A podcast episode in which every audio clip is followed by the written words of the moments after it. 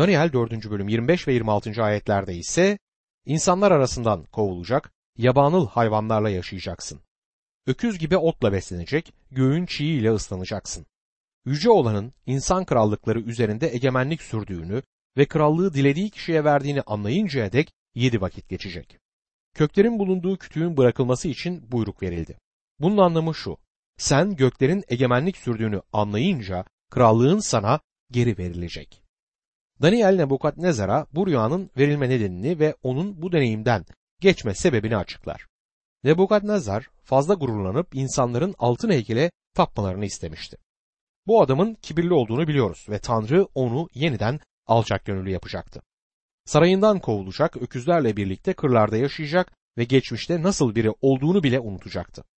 Ancak Tanrı bunun yanında Nebukadnezar'ı ruh hastalığından da koruyacaktı. Nebukadnezar'ın sorunu büyük olasılıkla histeriydi. Gösterdiği bazı belirtiler buna uyar. Belirtilerden birisi manik depresif bozukluk diye bilinen hastalıktır. Sık görülen duygulardaki dalgalanma olarak ifade edilebilir. Bu tür hastalar bir an neşeli ve arkadaş canlısı olurlarken hemen ardından somurtkan ve geçimsiz bir ruh haline girebilirler. Duygular bir aşağı bir yukarı gidip gelir. Bu sorun bir derecede pek çok kişide mevcut. Hepimiz bir an üzülüp sonra neşelenen kişilerle karşılaşırız. Ancak bu Nebukadnezar için önemli bir sorundu. Onun beyninde herhangi bir hasarın olduğunu düşünmüyorum. Bu işlevsel bir sorundu. Nebukadnezar'ın histerisi unutkanlığı da içermekteydi. Bu tür hastalar bir süre için kim olduklarını bile unutabilirler.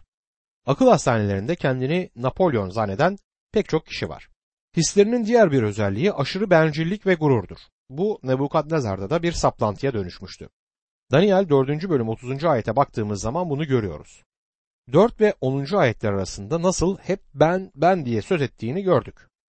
Gurur Tanrı'nın nefret ettiği bir özelliktir. Yaşlı Kaiser Augustus ele geçirdiği bir şehirle ilgili olarak şöyle diyor. Onu bulduğunda tuğlaydı, şimdi ise saman. Orayı tümüyle yıkmıştı. Başka bir Sezar da şöyle der. Roma'yı bulduğumda tahtadan yapılmıştı, şimdi ise mermer kaplı olarak bıraktım. Gördüğünüz gibi gurur insanın yakasını bırakmayan bir günah. Böyleyse insan ne ile övünebilir?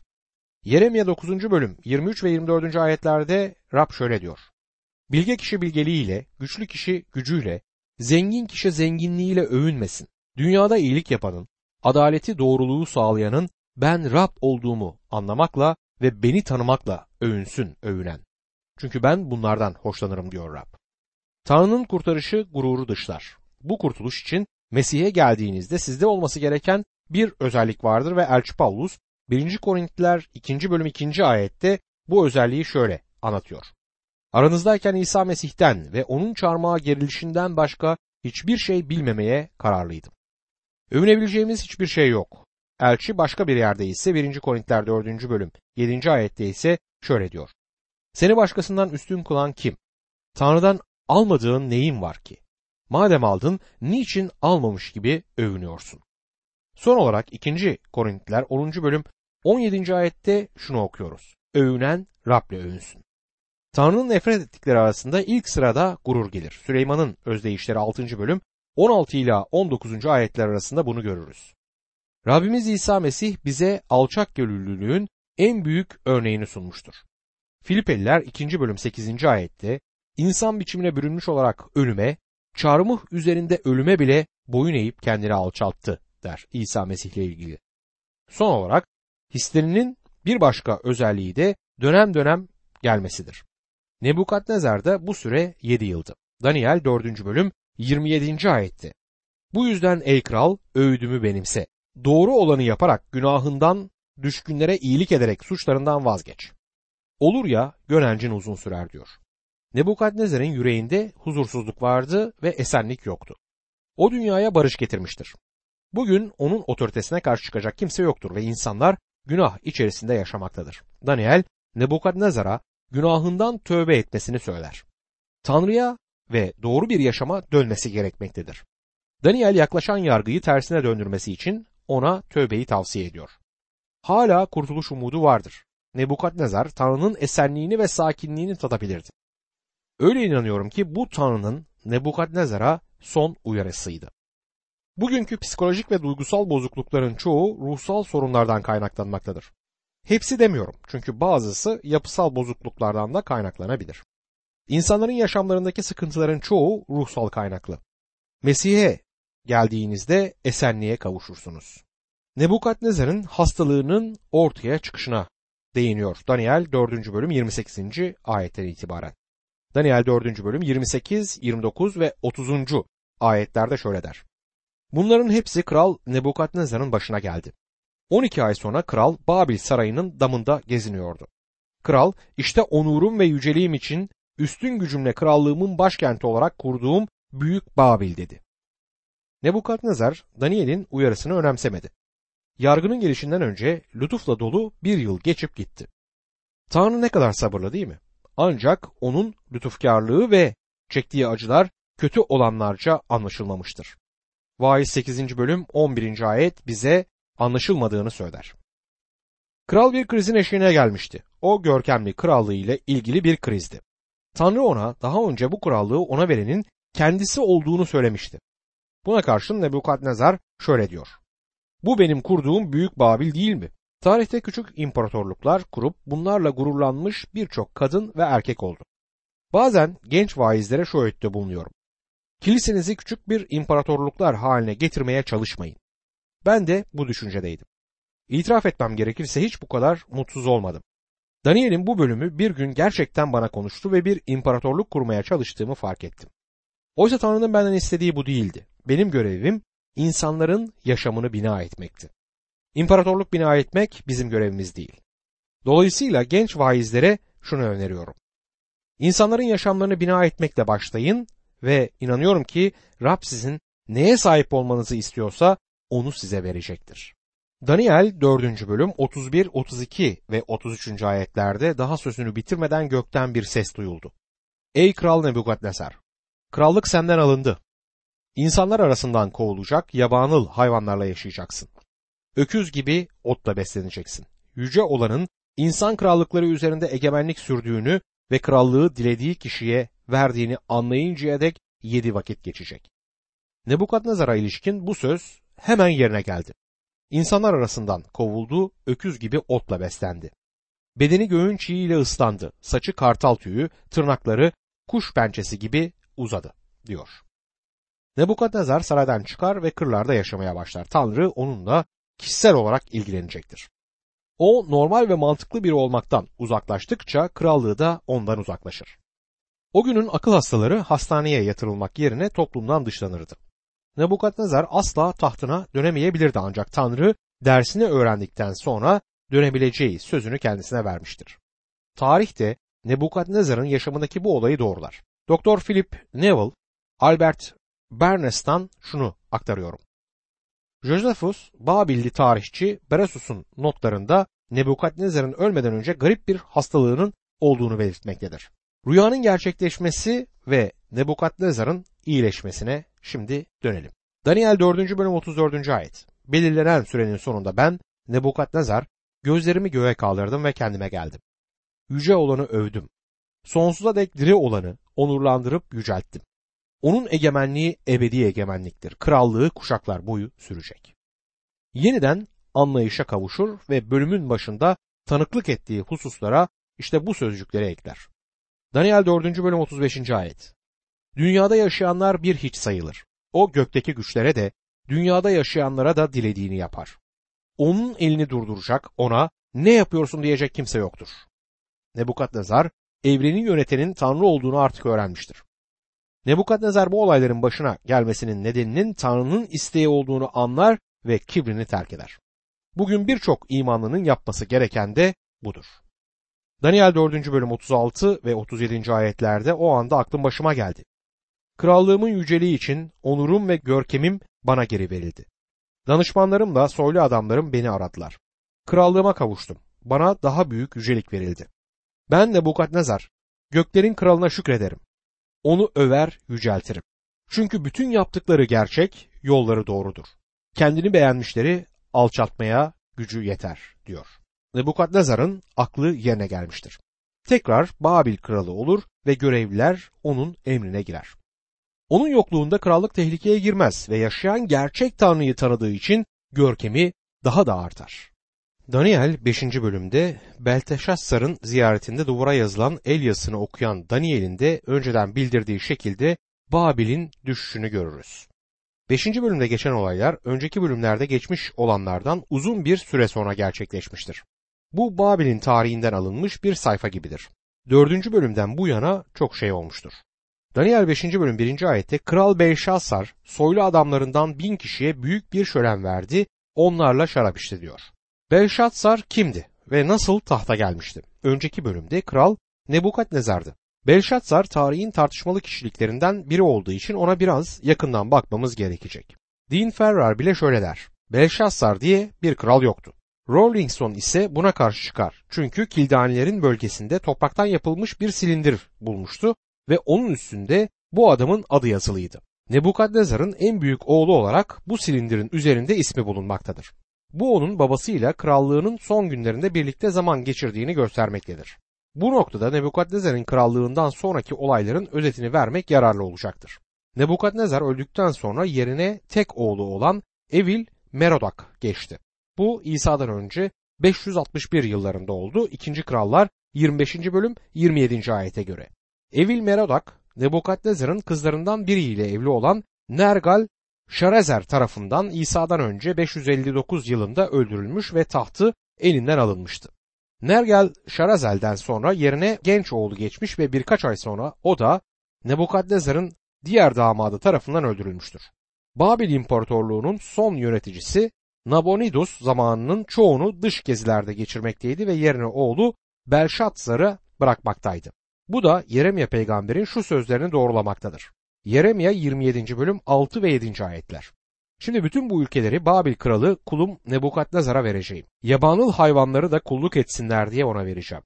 Ülkesi için saplanan zaman gelinceye dek bütün uluslar ona, oğluna, torununa kulluk edecek. Sonra birçok ulus, büyük krallar onu köle edecekler. Başka bir deyişle Babil krallığı Nebukadnezar'ın oğlu ve torunu ile sürecektir. Sonra da hazineyi yöneten Babil krallığı sona erecekti. Nabonidus'un topraktan yapılmış diğer bir silindirde oğluyla ilgili olarak Ay Tanrısı'nın ettiği duada Belşatsar'ın adı geçer. Yüreğimin devamı olan oğlum Tanrısını onurlandırsın ve kendini günahtan uzak tutsun der. Yunanlı tarihçi Herodot da bundan söz eder ve olayı doğrular. 5. bölümde kaydedilen olayların olduğu sırada oğlu Belşatsar Babil'deyken Nabonidus savaş alanındaydı. Dikkat edilirse Belşatsar Daniel'e krallıkta 3. egemenlik pozisyonunu sunmaktadır. Peki niçin ikinci değil? Çünkü Belşatsar'ın babası kraldı ve kendisi ikinci hükümdardı. Belşatsar'ın ilk ayette belirlenen ziyafeti sırasında Medli General Gobiras Babil kentini dışarıdan kuşatmaktaydı. Yunanlı tarihçi Serepon onların kenti Fırat nehrinin kanalını ana kanala yeniden birleştirerek askerlerin şehir duvarlarının altından sürüklenerek geçmesini sağladığını anlatır. Eleştirmenlerin uzun yıllar dikkate almadığı bu olaylar günümüz tarihçileri tarafından doğrulanmaktadır. Tarihçilerin bazen yanlış yazdıklarını ya da yanlış ve taraflı tarihi bilgiler yazdıklarını bildiğimizden onların her yazdığına güvenemiyoruz. Ancak burada tarihsel araştırmalarla kutsal kitap tam bir uyum içerisindedir. Kral Beltşatsar büyük adamlardan bin kişiye büyük bir ziyafet veriyor ve o bin kişinin önünde şarap içti diyor. Sonradan ünlü olan Belçatsar'ın Gobiras'ın orduları şehri kuşatmışken nasıl gösteriş içinde yaşadığına dikkat etmek lazım. Belki de Belçatsar kentin ele geçirilemeyeceğini düşünüyordu. Nebukadnezar orayı her türlü kuşatmaya dayanacak şekilde bina etmişti. Şehrin duvarları tuğladan yapılmış kare şeklinde ve 25 kilometre uzunluğundaydı. Yüksekliği 100 metreydi ve 4 tane atlı araba surların üstünde yan yana gidebilirdi. Yani başka bir deyişle şehrin üstünde adeta bir çevre yolu mevcuttu. Yıllarca yetecek kadar tahıl ve su depoları da vardı. Hatta Fırat nehrinden ayrılan bir kanal şehrin ortasından geçiyordu. Belşatzar'ın ziyareti düşmana meydan okumak ya da içeridekilere moral vermek amacıyla düzenlenmiş olabilir. Burada ziyafetin bir kokteyl ile başladığı belirtiliyor.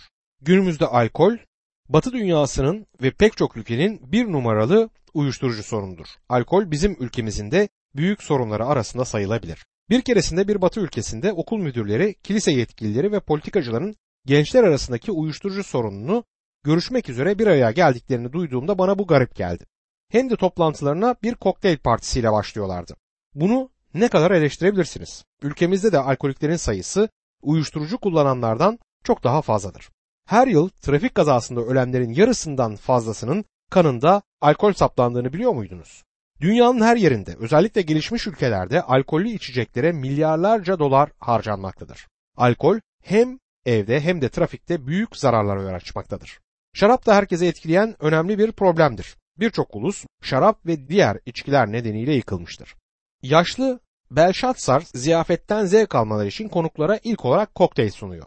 Daniel 5. bölüm 2 ve 3. ayetlerde şarabını keyifle içerken atası Nebukadnezar'ın Yeruşalim'deki tapınaktan çıkarıp getirdiği altın ve gümüş kapların getirilmesini buyurdu. Öyle ki kendisi, karıları, cariyeleri, soylu adamları onlarla içsinler. Böylece Tanrı'nın Yeruşalim'deki tapınağından alınan altın kaplar getirildi. Kral, karıları, cariyeleri, soylu adamları onlarla içtiler diyor. Bu adam sadece düşmana meydan okumakla kalmaz. Alkolün etkisiyle büyük babasının hiçbir zaman yapmayacağı küstahça bir şeyi de yapar. Nebukadnezar Kudüs'ü ele geçirdiğinde yaşlı bir putperestti ve Kudüs'teki tapınakta bulunan kapları almıştı ancak yaşayan gerçek Tanrı'ya iman ettikten sonra onları bir depoya kaldırmıştı. Sarayda büyümekte olan bir çocuk olarak Belşatsar bu kaplara dokunulmaması gereken eşyaların arasında olduğunu biliyordu. Şimdi ise o kaplarla konuklarına servis yapmak üzeredir. Bu kaplar artık kutsal değildi. Kutsal Tanrı için ayrılmış anlamına gelir. Ancak Belşatsar bu eylemiyle Tanrı'ya karşı gelmektedir. Bugün de insanlar eylemleriyle Tanrı'ya karşı geliyorlar. Tanrı'nın niçin bu insanlara bir şey yapmadığını haykırma isteğini duyuyoruz. Sevgili dostum Tanrı'nın zamanı var. Belşatsar'la ilgileneceği gibi o kişilerle de ilgilenmektedir. Belşatsar büyük babasının Tanrı'ya hamdlar sunduğunu bildiği halde bunu Daniel 5. bölüm 22. ayetten anlıyorum Tanrı'ya karşı gelmektedir. Süleyman'ın özdeyişleri 29. bölüm 1. ayette defalarca azarladığı halde dik başlılık eden ansızın yıkıma uğrayacak çare yok der. Ziyafetteki herkes tümüyle sarhoş olmuştu. Gerçek bir sefahat ve ahlaksızlık yaşanmaktaydı. Her zaman Belçatsar'ın ziyafetiyle ilgili vaazlar dinledim. Bazılarına göre ise bu güzel bir ziyafetti. Vaizlerden biri dans eden kızlardan ve kahkahalardan söz etti. Hatta bu vaaz zevkli bir yolculuk gibiydi ancak kutsal kitapta bu ayrıntılara yer verilmez. Daniel 5. bölüm 4. ayette şaraplarını içerken altından, gümüşten, tunçtan, demirden, ağaçtan, taştan ilahları övdüler der. Tanrıların şerefine kadeh kaldırıyorlardı ve belki de Babil'de tanrıların tümüne kadeh kaldırmaları bir geceden fazla sürebilirdi. Günahlarını tapınma gibi göstererek örtmeye çalıştılar ve küfürlerini dindarlık maskesiyle kapattılar. Tanrı'nın duvara yazan parmaklarını göreceğiz şimdi ise. Daniel 5. bölüm 5. ayet. Ansızın bir insan elinin parmakları belirdi. Kandilliğin yanındaki saray duvarının sıvası üzerine yazmaya başladı. Kral yazan eli gördü diyor. Şimdi de Tanrı doğrudan müdahale etmektedir. O kişi ulaşmayı düşündüğü kişi olmadığından görüm ya da rüya yoluyla konuşmaz. Tanrı gökyüzüne yönelen bu hakarete daha fazla sessiz kalmayıp ziyafet salonunun duvarına yazı yazmaya başlayacaktır. Bu kızgınlıkla yapılmış bir şey midir? Bence evet. Ve yine kanımca bu yazıyı yazan kişiyle günahlı kadının getirildiği olayda kumlara yazan kişi aynıydı. Yuhanna 8. bölüm 11 ile 11. ayetler arasında İsa Mesih'e suçüstü yakalanmış bir kadın getirdiler. Şeriata göre kadının taşlanması gerekirdi. Bunu İsa'ya sordular. Tabi amaçları İsa'yı denemek ve onu tuzağa düşürmekti. Bu nedenle İsa'ya nasıl karar verilmesi gerektiğini sordular. İsa da onlara şu ilginç sözü söyledi. İçinizden günahsız olan kadına ilk taşı atsın. Bunu dedikten sonra da eğilip yere yazı yazmaya başladı. Tabi bu sözü duyanlar bir bir oradan ayrıldılar. İsa kadına dönüp kimse seni taşlamadı mı diye sordu. Kadın hayır Rab dedi. İsa da kadına ben de seni taşlamıyorum git bundan böyle günah işleme dedi. İşte bu nedenle saray duvarının sıvası üzerine yazan kişiyle günahlı kadının getirildiği yerde toprağa yazı yazan kişi aynıydı diye söyledim. O kadına verilen mesaj bir bağışlama mesajıydı. Burada ise Belşatsar için kötü bir haber veriliyordu. Daniel'in birazdan açıkça belirtileceği gibi cennetin tanrısını dikkate almamıştı. Daniel 5. bölüm 6. ayet. Aklından geçenler onu ürküttü. Benzis oldu. Eli ayağı tutmaz oldu. Dizlerinin bağı çözüldü diyor. Belsaçar ayakta duramıyordu.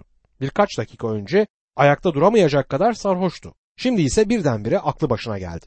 Ama yine de ayakta duramıyordu. Duvarda gördükleri onu çok korkutuyordu.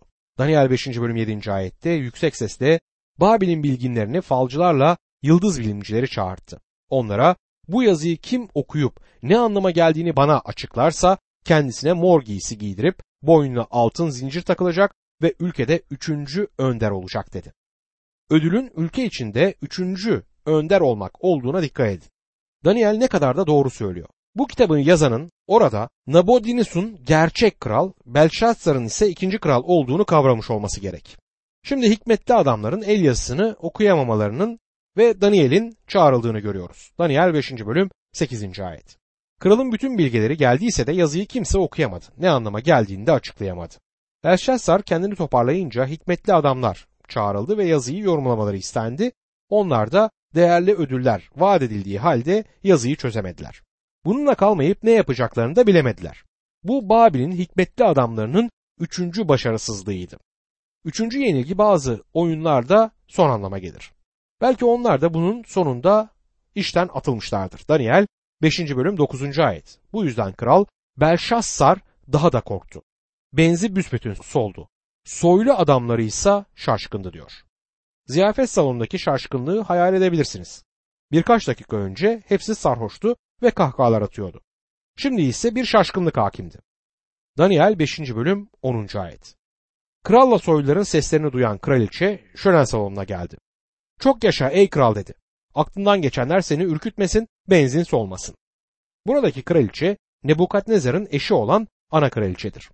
Ziyafette olanları duymuş, kralla konuşmaya gelmişti. Daniel 5. bölüm 11. ayette ülkende kendisinde kutsal ilahların ruhu bulunan biri var. Atan kral Nebukadnezar'ın döneminde kavrayışa, sağduyuya, ilahlara özgü bilgeliğe sahip olmakla tanınırdı. Atan kral Nebukadnezar onu sihirbazların, yıldız bilimcilerin, falcıların başkanlığına atadı diyor bu kraliçe. Baban kral Nebukadnezar. İlişkiler tek bir sözcükle ifade edilmiştir. O nedenle baba, dede, dedenin dedesi gibi anlamlara buradaki baban gelebilir. Daniel 5. bölüm 12. ayette kralın Belteşassar diye çağırdığı Daniel olağanüstü bir ruha, bilgiye, sağduyuya sahiptir. Üstelik düşleri yorumlama, bilmeceleri çözme, gizemleri açıklama yeteneği de vardır. Daniel'i çağırt yazının ne anlama geldiğini o sana söyleyecektir diyor. Ana kraliçe torununun sıkıntılı zamanında onun yardımına gelmişti. Ona bu yazıyı çözebilecek ruhla dolu Daniel adında birini öneriyor. Daniel 5. bölüm 13 ve 14. ayetlerde böylece Daniel'i kralın önüne getirdiler. Kral, kral atamın Yahuda'dan getirdiği Yahuda sürgünlerinden Daniel sen misin diye sordu. Sende ilahların ruhu bulunduğunu, kavrayış sağduyu ve olağanüstü bilgelikle donanmış olduğunu duydum. Şimdi Daniel içeri girmişti. Büyük olasılıkla Nebukadnezar'ın ölümünden sonra görevine son verilmiştir. Daniel 5. bölüm 15 ve 16. ayetlerde bu yazıyı okuyup ne anlama geldiğini söylemeleri için bilgelerle falcıları çağırttım. Ama ne anlama geldiğini açıklayamadılar. Senin yorum yapabileceğini, gizemleri açıklayabileceğini duydum. Bu yazıyı okur, ne anlama geldiğini açıklayabilirsen sana mor giysi giydirip boynuna altın zincir takılacak. Ülkede üçüncü önder olacaksın diyor. Belşatsar onu över ve hikmetli adamların yapamadığını yapıp yazıyı çözmesi durumunda ona üçüncü önderliği vereceği vaadinde bulunur. Böylece Daniel'e de daha önce hikmetli adamlara vaat edilen ödül vaat edilmiş olur. Daniel 5. bölüm 17. ayet. Daniel armağanların senin olsun, ödüllerini de başkasına ver diye karşılık verdi. Ama ben yine de yazıyı okuyup ne anlama geldiğini sana açıklayacağım. Daniel tüm armağanları reddediyor. Belşatsar'ı değerli görmüyordu. Kral bu kadar çok korkmuş olmasaydı Daniel'in bu aşağılayıcı tavrını görmezden gelmezdi diye düşünüyorum. Daniel neden böyle bir ödüle gerek duysun ki? Bu ödülü birkaç saatten fazla almayı istemezdi. Daniel duvardaki yazıyı yorumlamadan önce babasının altında hüküm süren bu genç krala hayatında duyacağı en iyi vaazı verir. Daniel artık yaşlı kral Nebukadnezar'ın huzuruna çıkan genç adam değildir. Genç bir kralın önüne çıkan yaşlı bir adamdır. Nebukadnezar'la arada kuşak farkı yoktu. Daniel'in Belşatsar'a söylediklerini dikkatlice dinleyin şimdi. Daniel 5. bölüm 18 ve 19. ayetler. Ey kral! Yüce Tanrı atan Nebukadnezar'a krallığı, büyüklüğü, yüceliği, görkemi verdi. Tanrı'nın sağladığı büyüklük yüzünden bütün halklar, uluslar, her dilden insan ondan korkup titredi. Dilediğini öldürür, dilediğini yaşatırdı. Dilediğini yüceltir, dilediğini alçaltırdı diyor. Nebukadnezar bu dünyada mutlak bir egemenlik sürdü. Bence onun gibi bir yönetici hiç gelmedi ve Mesih karşıtı gelene dek de gelmeyecektir. Daniel, Belşatsar'a Tanrı'nın büyük babasına ne yaptığını anımsatır. Tanrı onu tahta geçirmiş ve önemli yetkiler vermişti. Ve daha sonra Belşatsar'a olanları anlatacaktır.